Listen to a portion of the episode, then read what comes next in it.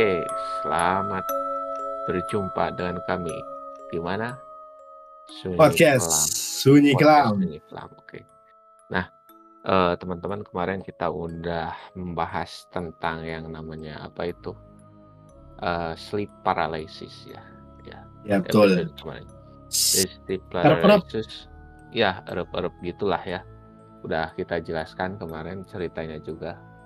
Eh, kalian bisa yang balik bagi yang belum mendengarkan bisa mendengarkan episode sebelumnya.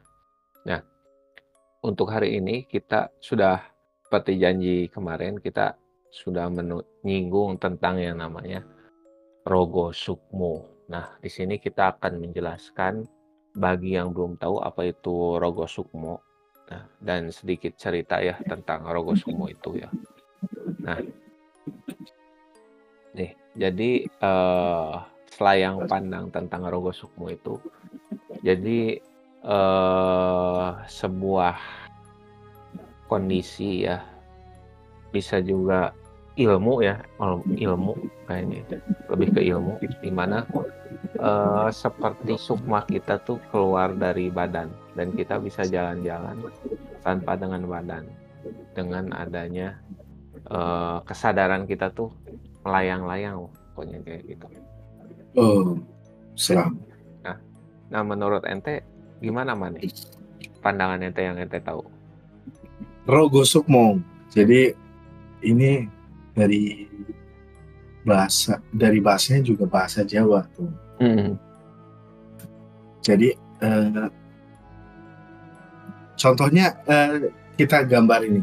Hmm. Si Rogo Sukmo ini eh, adalah ilmu Jawa kuno yang fungsinya eh, kita bisa mengeluarkan ya, mengeluarkan raga kita. Tapi eh, sebenarnya eh, diri kita tuh di tempat yang berbeda gitu. Hmm. Nah, contohnya gini guys. Pernah gak sih kalian tuh kayak jatuh cinta dan membayangkan bisa selalu menemani pacar kalian guys? Apalagi kalau cintanya itu bertepuk sebelah tangan guys. Jadi imajinasi eh, pasti imajinasinya pun semakin melebar gitu. Pengen eh, apa? Pengen membayangkan gitu ya. Apalagi misalkan pacarnya jauh.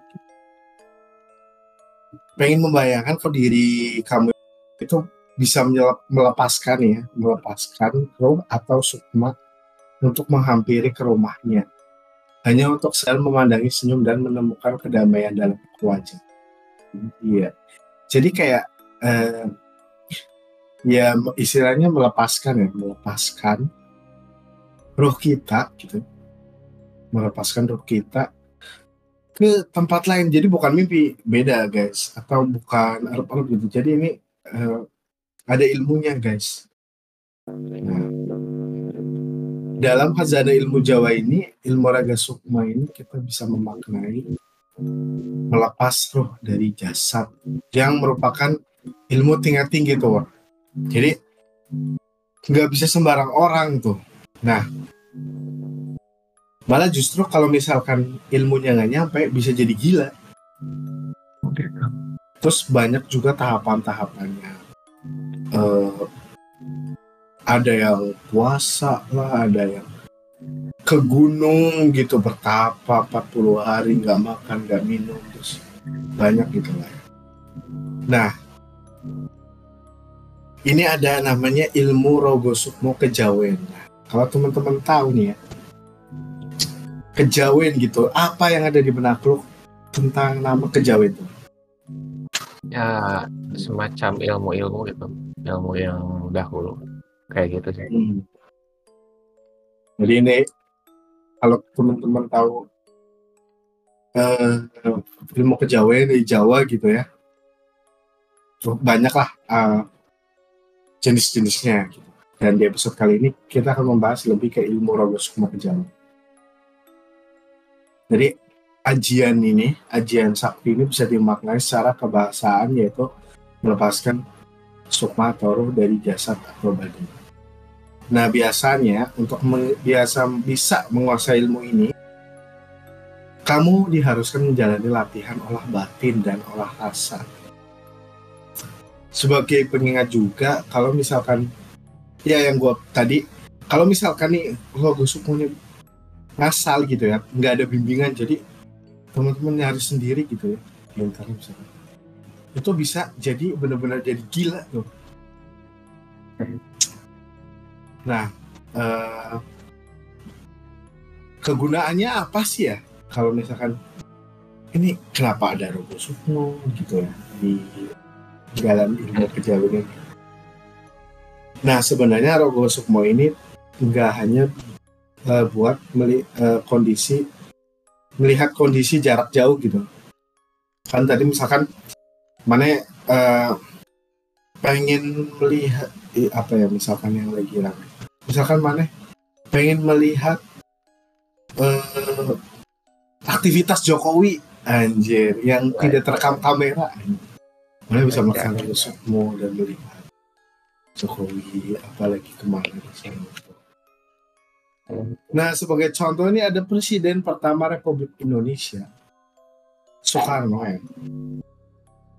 Jadi sudah jadi rahasia umum kalau misalkan beliau sangat dekat dengan ilmu Jawa ini, ilmu Rogo Sukmo ini kan. Jadi ada kisahnya tuh. Jadi Bung Karno ini katanya pernah memecah diri menjadi dua wujud. Mirip Kage Bunshin no Jutsu dari Naruto ya. Tahu lah ya? Ya. Kage Bunshin no Jutsu. Hal ini dilakukan saat akan terjadi percobaan penembakan atas diri beliau. Cil seperti di, diketahui dalam catatan sejarah, percobaan penembakan itu dilakukan oleh anggota DI TI. Jadi untuk simulasi penggunaan ilmu Rogo Sukmo bisa digunakan untuk pertahanan diri sendiri juga.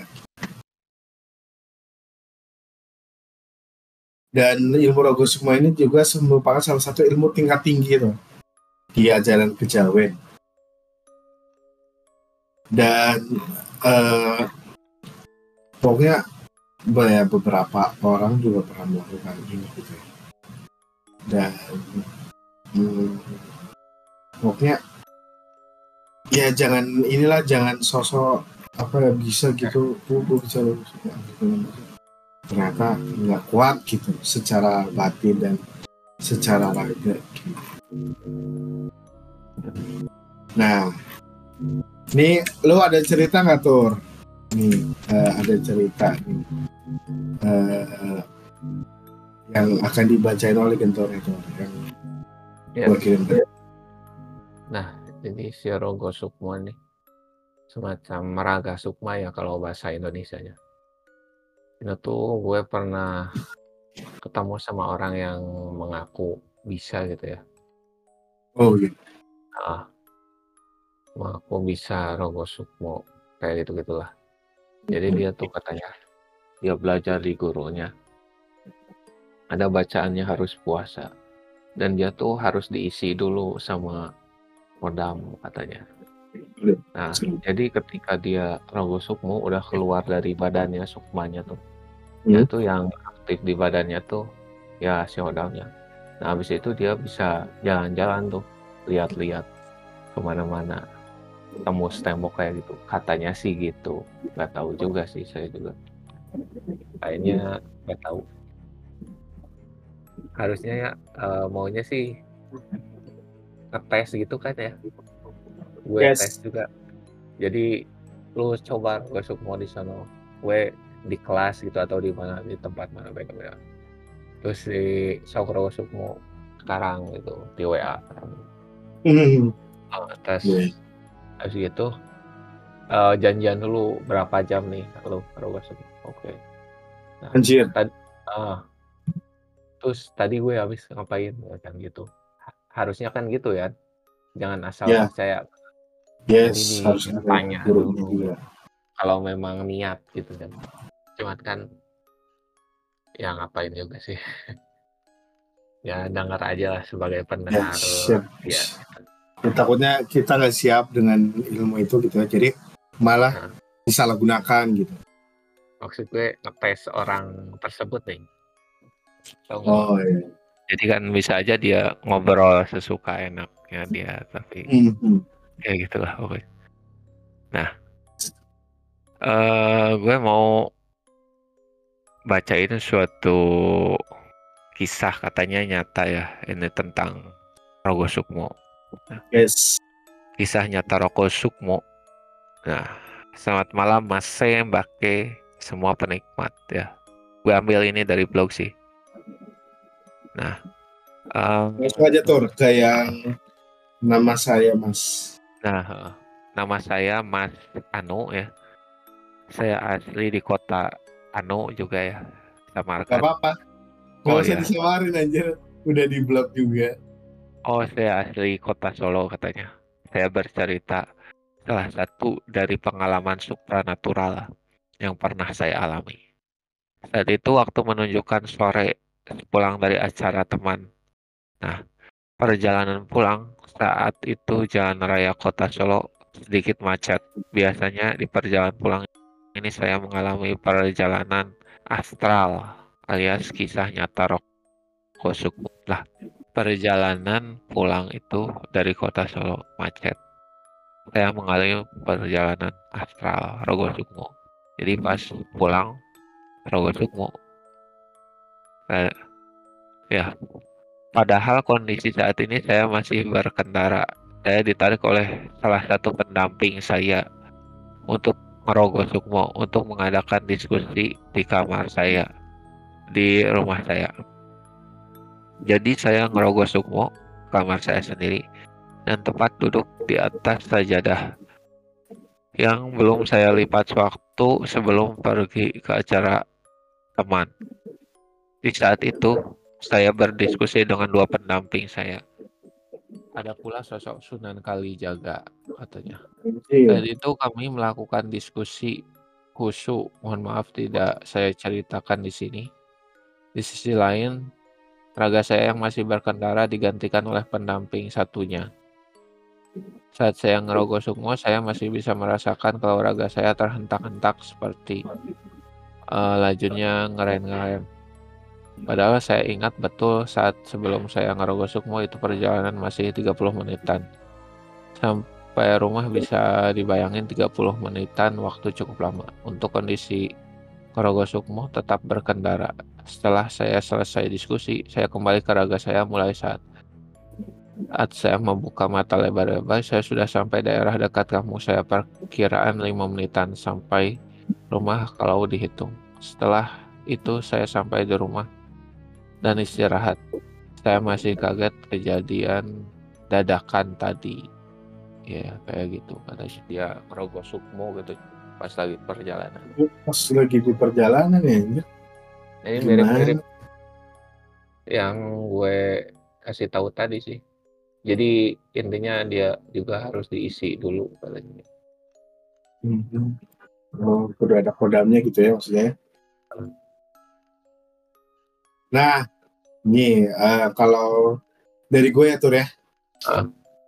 Ini kebetulan cerita dari temen gue juga. Eh, jadi ini sebenarnya dia itu eh, bukan rogo sukmo bukan, Ah, tapi seperti dia merogoh sukmo gitu. Hmm. dan dia tuh sebenarnya tidak tahu juga itu namanya rogo sukmo atau orang perap dan segala macam gitu. Dia pokoknya nggak tahu, pokoknya dia menceritakan apa yang dia mimpikan gitu. Oke. Jadi temen gua nih eh, lagi tidur siang gitu ya. Hmm. Lagi tidur siang, tiba-tiba eh dia mimpi ada di rumah temennya. Ada di rumah temennya. Terus eh, dia bangun habis mimpi dia nggak kayak rob kekinian dan segala macam nggak gitu. Apalagi Rogo Sukmo dia juga nggak tahu istilah itu. Terus dia ngechat ke kalau dulu zamannya apa ya SMS kali ya masih SMS. Ya. Dia nge SMS temen gua yang rumahnya itu dilihat sama mimpinya teman gue ini. Jadi eh, temen gua nge SMS eh ngomong bro lu ada di kamar ya? Iya. Eh lu lagi dia lagi SMS nih. Jadi lagi sadar gitu. Lagi sadar terus lu lagi pakai baju misalkan merah ya? Iya kenapa? Kenapa emang? Terus eh lu lagi pakai celana apa gitu gue lupa. Pokoknya jawabannya bener lagi iya. Terus eh bapak lu lagi nggak ada di rumah ya? Iya. Terus teman gue yang di SMS ini mulai kaget eh anjing. Lu lagi ngapain anjing? Lu di rumah gue anjing gitu kan. Ngomong ngomong ngamuk lah gitu. Nakut nakutin kan. Kagak gue lagi di rumah gue dan jaraknya jauh juga. Jarak Ah. sih sama temen gue dan eh yang dia mimpiin rumahnya jauh juga. Dan di saat itu jawabannya benar semua. Terus dia nanya eh lu ini ini agak aneh sih. Dia nanya lemari lu ada stiker ini ya? Dan dia nggak pernah masuk ke kamar temen gue ini. Maksudnya dia tahu eh kalau tahu anjing lu lagi ngapain ini? Gitu. terus gua tuh tadi habis mimpi gitu ya barusan banget. Terus gue langsung eh, bangun gitu langsung bangun terus. Habis itu eh dia ngomong eh lu tahu gak sih? Gua tuh tadi mimpi di kamar tuh nggak cuman lu sendiri anjir. Terus gue sendiri di kamar katanya. Enggak jadi di samping meja lu itu itu ada sosok kakek-kakek tua gitu. Wah langsung temen gue ada yang itu SMS langsung anjing lu goblok. Eh gua gua mau cabut lah dari balas siang-siang kan Hmm. dia dia seolah-olah dia kayak ya kayak rokok semua. Jadi dia pindah ke eh, tempatnya temen gua. Tapi sebenarnya kalau Rogo Sumo ini kan sebenarnya di sepengin kita kan. Hmm. ya kan kita pengen ke mana gitu nah kalau ini tuh enggak gitu. Jadi teman teman gua tuh tiba-tiba aja. Dia eh, ada di kamar teman gue ini gitu. Nah itu itu Arab-Arab menurut gua bukan juga gitu. Kalau Arab kan mereka kan ditindihan gitu. Jadi susah bawa dan segala macam itu. Enggak gitu. Terus eh logo semua juga enggak gitu nah ini gua apa tuh menurut lo tuh? Apakah itu emang menurut apa gue ya istilahnya? kayak campuran gitu sih. Iya, bisa jadi apa emang kadang-kadang Rogo Sukmo sebenarnya sih eh ya antara Arab Arab dan Rogo Sukmo juga sih maksudnya. gue pernah ya eh jadi kayak sebelum tidur tuh kayak ada perasaan tangan gue tuh gerak gatel Hmm. banget garuk-garuk Hmm. gue garuk semakin kan kalau ngegaruk tuh ada eh sensasi garuk tuh ada rasa enak kan ya tapi Hmm. pas gue agak sadar tuh tangan gue tuh masih di ini di nggak di kepala gitu masih di Di pinggir kepala. ini kok Dan gini ya oh mungkin ini yang kayak raga sukma gitu mungkin gitu ya. Jadi kan Bisa jadi eh, sukmanya Raga tuh kalau di luar tubuh kita itu sih agak ini sih eh jadi lebih ke asumsi gue itu. Nggak tahu aslinya kayak gitu Ya sih, ya, gue juga nggak tahu juga bisa jadi ya bisa jadi enggak kan. Soalnya kan tidak bisa dibuktikan oleh ilmiah gitu ya. Kita mah percaya nggak percaya aja gitu. Nah ini ada cerita terakhir Tor. gimana gimana Jadi ini kan kita tadi menyinggung soal raga sukma adalah ilmu tingkat tinggi gitu dan kalau nggak kalau nggak apa nggak nyampe nggak kesampaian itu bisa jadi gila gitu ya kan katanya nah jadi ini ada eh, kisah ini dari eh, bisa dibilang ini omnya temen gua. Mhm. ya omnya temen gua. Jadi uh, ya pas sekitar 2014an lah. Itu gue suka suka main gitu. Kalau sama temen gue kebetulan di situ ada omnya gitu. Nah si omnya ini tiba-tiba uh, kan kita lagi uh, apa ya duduk-duduk gitu ya di terasnya temen gue ini. Nah omnya temen gue ini cerita gitu. Jadi uh, dia itu habis ke pantai selatan.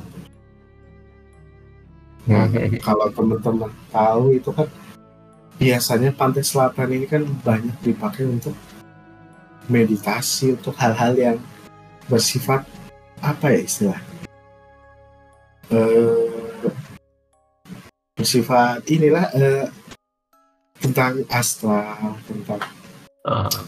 Uh, ilmu-ilmu gaib gitulah. Banyak. Nah. Nah kalau teman-teman tahu tuh biasanya di daerah-daerah pantai selatan tuh suka ada gitu. Orang yang ilmu lah. Entah itu di pantai entah itu di karangnya kan biasanya kan ada ada apalah hal-hal yang mungkin bisa untuk tempat untuk meditasi gitu. Nah di situ om gue ini rencananya ini om gue lagi omnya temen gue sorry. Omnya temen gue ini uh, habis pulang dari pantai selatan. Kalau nggak salah di daerah uh, arah-arah Pelabuhan Ratu guys. Sukabumi lah. Hmm. gue daerah dari situ. Nah di situ ada tiba-tiba si temen gue ini sama temennya kan dia bawa mobil. Dan bawa mobil tuh dia rencananya mau camping ala-ala pakai mobil gitu loh tuh jadi hmm. kap belakang itu dibuka gitu. Terus dibikin ya kayak tenda kecil aja di situ gitu. Jadi uh, kayak gitu. Dan ber bermalam lah. Nah ketika dia pas malam-malam uh, itu dia pas baru mau nyampe gitu tiba-tiba ada kalau nggak salah ada nenek-nenek satu. Ini usianya udah lumayan tua lah nenek-nenek satu. Dan yang lainnya lagi katanya sih bersepuluh kalau nggak salah. Gue lupa lupa ingat sih berapanya. Yang sepuluh ini kayak masih ya mungkin dewasa lah bisa dibilang gitu. Nggak terlalu tua gitu. Dan raut mukanya juga jauh berbeda dengan nenek-nenek itu gitu. nah uh, jadi om gue tuh om gue lagi om punya temen gue ini uh, akhirnya berhenti gitu karena penasaran. Kok tiba-tiba ada nenek-nenek satu dan sepuluh orang perempuan juga gitu ya. Pakai semuanya tuh nenek-nenek sama si perempuannya tuh pakai baju hitam segala baju hitam. Nah itu katanya keluar dari semak-semak tuh. Jadi di pantai itu di sebelah sana di sebelahnya itu ada ada kebun gitu ya. Kebun atau hutan gitu. Ada semak-semak juga. Jadi keluar dari situ katanya dan. Ya udah omnya temen gue ini udah curiga banget hanya dia matikan mobil gitu. Terus habis itu si nenek-neneknya doang nih yang mendekat tuh. Mendekat ke mobilnya omnya temen gue ini. Hanya ngobrol gitu. Pakai bahasa Sunda lah. Nah kebetulan temennya omnya temen ah, bingung ya gitu ya. Omnya temen gue ini karena ada teman tuh tadi tuh. Dia itu tahu bahasa Sunda dia. Kalau omnya temen gue ini kan orang Jawa gitu ini diartikan lah. Katanya ditanya nih sama nenek-neneknya. Kamu lahir weton. Ya kan? Nggak tahu apalah. Apa gitu? Selasa apa gitu? Dan kamu akan cilaka kalau itu ditanya kan. Mungkin bahasa Indonesia kayak gini. Ini teman kamu ini ini lahir pas hari apa gitu. Kan? Terus omnya temen gue ini pura-pura lupa. Nggak tahu nggak tahu. Bilang aja ke neneknya gitu. Ke si temennya dia. Dia nyaut nyaut gitu. Tak apa lupa. Pohon gitu oh, terus tiba-tiba dia eh menarik. Udah itu ya. Terus tiba-tiba dia kayak orang bingung katanya si neneknya terus tiba-tiba ke tengah pantai. Tengah pantai. Dia meditasi terus nari-nari aja Iya. bareng sepuluh yang lainnya juga. Asli. Yang nari situ. Eh, nah ini yang kejadian yang lebih aneh sih. Jadi si omnya teman gua ini ngomong kayak gini ah itu mah kayaknya orang gila ah si ya apa dan gitulah kata temennya kan dan gitulah. Siapa tahu kita ntar kenapa kenapa ya udahlah. Kita eh, pindah aja lah ke pantai sebelah gitu. Ya udah ya udah. Pindah aja ke pantai sebelah. Akhirnya nggak jadi tuh nginep di situ kan karena aneh serem lah gitu. pindah ke pantai sebelah. Setelah pindah ya udah di pantai yang sebelah itu ya santai aja kan apa nah setelah keadaan ya udah mau balik gitu ya. Jadi pas balik tuh ngelewatin pantai itu lagi gitu. Ngelewatin pantai itu. Terus eh omnya temen gue nih ngomong ah gue rasa sih dia orang gila deh. Kan si omnya temen gue tuh masih kepikiran gitu sama kejadian semalam. Padahal temennya mah udah udah lah nggak usah dipikirin gitu. Si omnya temen gue tuh masih kepikiran kayaknya orang gila deh maksudnya nah dia tiba-tiba apa eh, nari-nari di tengah pantai sama 10 orang itu dan gua rasa ada yang aneh dan ya mungkin hantu kali ya gitu kan. Iya, ah masa sih? Kata temennya kan ya udahlah daripada kita penasaran ntar pas pulang kita ngelewatin pantai itu kan. Enggak belum tanya. Kita lewatin pantai itu kan. Pulang ke dia. Lewatin situ dan ternyata apa cuma nenek-nenek yang tadi itu datang Hah? dia di atas pohon kelapa nih Apanya? sambil tiduran aja Goblok.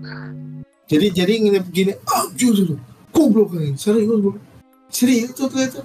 Wah gila ini kayak orang gila gitu anjir. Tapi yang anehnya tuh yang 10 itu ke mana gitu? Nah, anjir aneh kan. Akhirnya balik lah udahlah. Ntar kita cerita lagi deh di rumah gitu. nah katanya pas si omnya temen gue ini udah nyampe rumah dia cerita tuh sama bapaknya jadi jadi bap- bapaknya tuh eh, kayak istilahnya tuh dia eh, inilah maksudnya dia tuh eh, ya bukan sebagai dia punya ilmu apa segala macam tapi dia mendalami secara Islam gitu si bapaknya sama temen gue ini kan katanya mau ceritalah kejadian yang ada di pantai itu terus ngomong kan eh bapaknya si om, om temen gue ini. Ngomong dia kamu dari mana dek? Gitu. Dari ini pak dari pantai inilah pantai di Sukabumi gitu. Oh eh, tapi di sana nggak ada kejadian aneh-aneh kan ada pak ada, kok bapak tahu di sana ada kejadian aneh-aneh? Iyalah itu dia. Di situ tuh banyak eh, apalah banyak hal-hal aneh lah di situ mah di soalnya kamu tahu nggak di situ tuh ada ini ada kenapa namanya pelabuhan Ratu? Kamu ke pelabuhan Ratu kan kayak gitu. Dito dito dong. Eh, kok bapak tahu kan soalnya pantai Sukabumi kan lumayan banyak ya maksudnya eh, nama-namanya gitu dia langsung dito dong oh iya pelabuhan Ratu nah di situ tuh jadi di dekat pantai itu tuh memang ada hotel yang ada kamar nomor 13 nya katanya. Nah di situ tuh isinya katanya buat eh, tempat tidur tidur kalau misalkan berkunjung ke Pelabuhan Ratu. Itu kenapa namanya juga Pelabuhan Ratu ini. Nah kayak juga kaget kan, punya temen gue nih. Kok baru bisa tahu? Ya lah bapak suka cerita eh, suka ngobrol-ngobrol juga sama ya sesepuh-sepuh juga sesepuh gitu kayak gitu suka cerita juga bapak juga pernah ke tempat ke adik juga pas ke sana yang pelabuhan Ratu. terus ceritaan tuh malam kan terus bapaknya nanya uh, adek uh, ngobrolnya cuma sama nenek-nenek atau sama ya cewek-cewek yang 10 tadi gitu. Saya cuma sama nenek-nenek doang gitu. Oh iya iya, iya. terus cuma dia iya doang tuh si bapaknya tuh. Tanya lagi lah sama temen eh kenapa itu pak? Biasa uh, itu mah kayaknya orang gila eh, ya benar itu mah orang gila gitu. Tapi kenapa dia bisa gila tapi ada temen-temennya apa gitu kan? Ya kan lainnya kan gitu. Ya itu mah karena yang nenek-nenek itu tuh dia itu ketika ilmu ilmu kejawen ilmu pokoknya ilmu Jawa gitulah ya. Dia itu eh, apa namanya nggak sampai nggak nggak keturutan gitu si ilmunya itu sampai gila tapi teman-teman yang ada lihat itu yang 10 itu tuh dia bisa dapat ilmunya. Jadi cuma satu doang yang nenek-nenek itu sampai tuanya itu. Nah, jadi, jadi ternyata 10 cewek tadi itu bukan benar-benar orang gitu. Jadi istilahnya itu ilmu-ilmu yang udah jadi gitu. Jadi jadi hmm. apa ya kelihatannya awet muda. Nah neneknya ini ini nih dia itu karena gila dan segala macam. Jadi akhirnya umurnya tuh sesuai dengan ya umur yang ada di dunia ini gitu. Gitu aja. Serem tuh yang mana tiba-tiba ke pantai malam-malam ketemu gitu kan coy. Lu sama iya. siapa itu? Om itu om om omnya teman gue itu. Cerita. Oh, oh om teman omnya teman jadi pak 2014 itu kan banyak waktu nganggurnya ya gue ya sebenarnya. Setelah lulus SMA gitu jadi banyak waktu gue suka cerita gitu suka apa main gitu teman gue dan kebetulan di hari itu ada omnya gitu cerita lah gitu. Akhirnya habis itu dan terus cerita lah dia hmm, pelabuhan ratu dan serem gitu serem. Ya, apa ditampakin kayak gitu, gitu. sebenarnya katanya emang benar nenek-neneknya benar-benar orang gitu cuma gila gitu. gila karena gila. ilmu ya iya betul jadi jadi apa ketika gue nih guys gue tadi baca-baca yang Umar Sukmo jadi eh, sampai jadi gila juga nah, kemungkinan bisa jadi ilmu itu emang benar kejadian gitu sampai jadi gila saking apa namanya saking pengennya gitu ya. Terus tapi ternyata memang mungkin dalam melewati ilmu itu dia nggak kuat gitu. Jadi akhirnya uh, ya jadi gila gitu. Tapi yang gue heran tuh yang 10 cewek tadi yang menemani si nenek-nenek ini nari tuh aneh sih. Maksud gue ya mungkin mungkin ya rokok semua tuh bisa berwujud dalam ya mungkin gue juga iya. nggak tahu dan segala macam. Mungkin itu ilmu lain gitu ya. Gitu guys. So, guys. Jadi lumayan. Ya, mungkin kalau kejadian di lu gimana tuh? Lu lagi jalan ke pantai malam-malam sama teman gitu. Wah oh, gue pantai malam-malam jarang sih Soalnya kalau malam-malam sih nggak ada yang bisa dinikmatin. Kecuali yes. dulu pas SMP Enggak. tuh. Nah. Oh SMP. Jadi SMP. sebenarnya omnya teman gue nih sengaja mencari subuh sih. Jadi Acai. Soalnya di situ ya males dia nyewa hotel dan segala macam mahal gitu. Ya udah kita dari malam aja udah camping aja gitu aja. Itu sih karena terbatas itu guys. Mungkin ya oh, uh, sih kalau nah, gimana nih? Nggak dulu pas kisah nyata tapi nggak ada seram-seramnya sih. Hmm. hmm ntar gue ingat-ingat. Yang ada serem-seremnya Soalnya malam-malam kalau di pantai itu Oke lah. dulu pernah kan ya di Pangandaran itu. Hmm. Itu enggak ya ada sih yang jualan tapi enggak enggak enggak ramai juga. Ada sih yang jalan. Uh, jalan-jalan gitu di pantai. Dan biasalah dingin gitu, banyak angin. Hmm, berarti nggak ada nemu hal-hal Nggak ada nemu yang aneh-aneh sih.